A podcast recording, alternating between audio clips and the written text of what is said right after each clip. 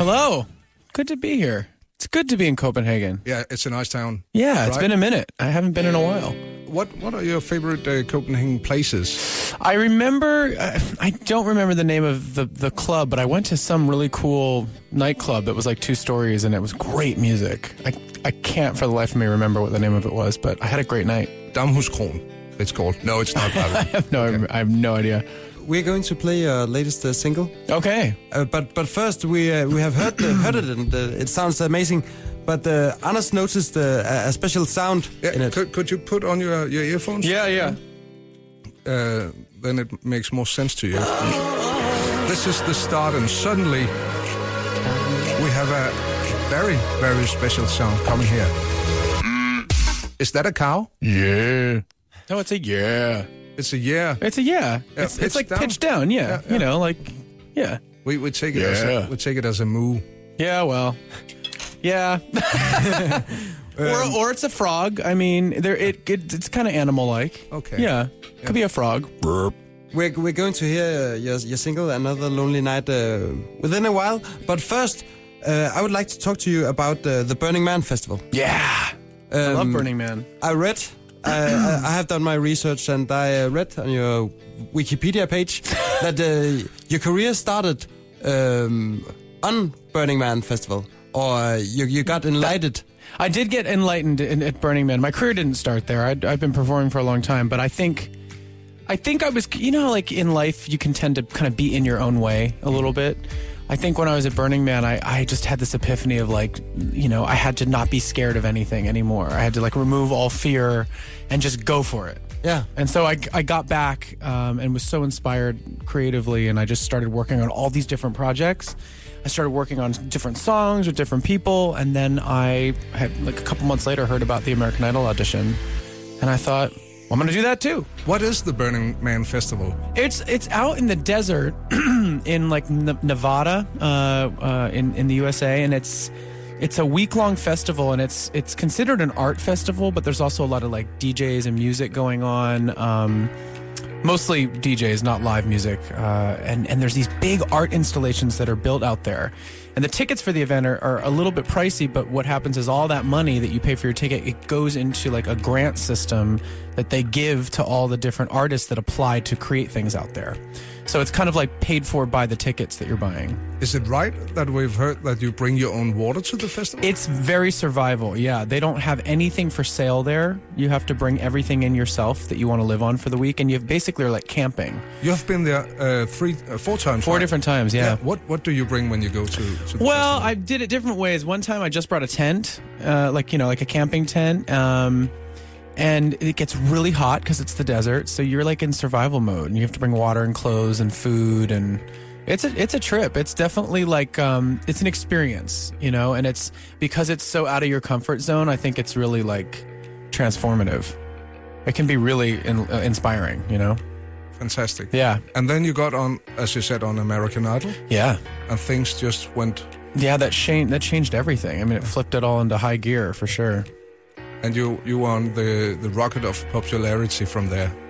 and I was second place. Yeah, yeah, yeah, I know second that. place, and and and I'm I'm I couldn't. I, if someone had told me when I auditioned for the show that oh by the way, in about six years from now you're going to be on tour with Queen, I would have been like, huh, bull.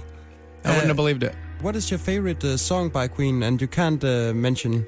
Uh, I think an, I think another Bohemian one, Rhapsody. another one bites the dust is one of my favorites. Another one bites the dust. Yeah. Yeah, we're going That's to a play Radio that. uh, 100 It's classic. real Yeah. sexy. Yeah. You have uh, been uh, performing on a on a cruise ship for ten months. That was like my first professional job Yeah. after high school. Yeah. I was about 19, 20, or 20, 21, something like that. What made people dance on that ship? most of the people on the ship were older. It was kind of like grandma and grandpa. It was for like senior citizens. So a lot of the, the material was geared towards that generation. So there was a lot of standards and like classic songs and Fly me to yeah, the there was a moon. total Frank Sinatra moment. There was an Elvis moment. There was it was cool though. I mean, it was um it was a good experience to work that long on on a on, on one job and to kind of be away from home for a while and again, like being pulled out of your comfort zone can be really good for you, you know. I was living on a boat for almost a year. That's weird. it was so strange. and now you're here um, to to present your new single, "Another Lonely Night." Yeah. Um, what's the story about that single? I mean, I think everybody has nights like that, you know, especially if you're single, um, you know, where you're missing somebody that's that that's gone out of your life, or you're longing for somebody that has yet to come into your life. We all know that feeling. Everybody, everybody's had that, no matter who you are.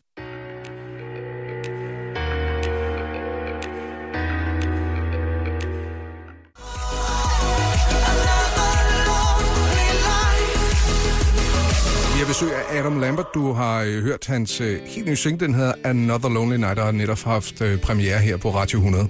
Later this morning, uh, at the Danish astronaut uh, Andreas Mogensen is uh, entering the space uh, shuttle. uh, Crazy. what they call it, ISS, the International Space Sta- uh, Station. Wow, Would you like to to visit uh, outer space? sounds cool. Yeah. but I bet the jet lag sucks. Yeah, yeah, I Yeah. could imagine. Yeah. But w- being weightless, I would be into that. That'd be cool. Yeah, I would love to try that. it's the first Danish guy being in space at all times, this guy. Andreas. Wow. And um, he- he's become a national hero, actually. Yeah, I bet everybody's really excited. Yeah, they are. Yeah. Who's your hero? Who's my hero? Yeah. Personal life, maybe. I mean, Freddie Mercury is definitely a hero for Yeah. me. You know, especially at this point, having you know sung all that music for the last couple years, and you know, gotten to know Roger and Brian from the band, and and and heard stories about Freddie and done some research on Freddie. It's just, it, it, he's this like. I- I wish I had known him. You know Yeah. what I mean? It's I'm such I'm so close to his life now that I think he's definitely a hero. You missed the guy without having. having Yeah, met him, yeah. Adam, are, are you uh, superstitious? Mm, not a little bit. I I I like astrology. Yeah. And so I can get kind of like superstitious about astrology a little bit. Yeah. What, what's your zodiac? What's my sign? I'm an Aquarius. Yeah, of Yeah. course you are. Yeah. What's yours? Uh, what do you call it? Uh, Capricorn? Of course you are. What's yours? I, Uh, I'm a Taurus. Okay. Yeah. Cool. Yeah. Right on. Uh, because uh, we have a, a new feature on the show. Um, the, it's it's called the the animal ball. I saw the animals. Yeah. yeah, yeah. Um, actually, two days ago, I met this guy in a, a park Uh-huh. uh, area uh, in uh, uh, Copenhagen. He didn't have any teeth, but he had all, a bag with all these animals. And I was uh, coming with my little daughter, and Mm-hmm. uh, he asked, "Why don't you uh, want the, these animals?" So I took all the animals. We have uh, cleaned them, and uh, You've now, cleaned them? Yeah. yeah. Okay.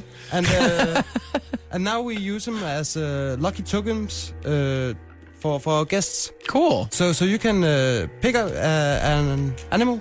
Do you have that in the US too? If you've uh, been to the doctor as a child and you get to pick one Yeah, I animal? remember that. Yeah. A little like toys. Yeah. Yeah. It's these look like the ones we had when we were kids, don't they? Yeah, yeah. the- it is the same thing It's- here, right? they're- It's to, they were to that- comfort you after the interview. I like this deer. You can have the deer, Adam. It's so cool. Um, That's a nice deer. Nice yeah. deer. Yeah. could you uh, perhaps? He's missing a horn. He's missing one of his antlers. Yeah, yeah. You can uh, uh, wear it as a, a token or a lucky charm. That's nice. Could it fit in as a necklace? It's going to now. Yeah. I'm strangling the deer with the chain around my neck here. There we go. So you're you're a, Chilling. a deer kind of Chilling. guy. Yeah. Yeah. Actually, my first uh, elementary school was called Deer Canyon. Of course. it is. So How do everything connect together now? it always full Right. circle. Always. Yeah, you Yeah. had to go to a Danish radio station in the outskirts of Copenhagen to find that out. Yeah, it's magic that way. it was uh, great having you, Adam. Thank, you. for the visit. yeah. Thanks for having me. I appreciate it. Thanks for playing the song.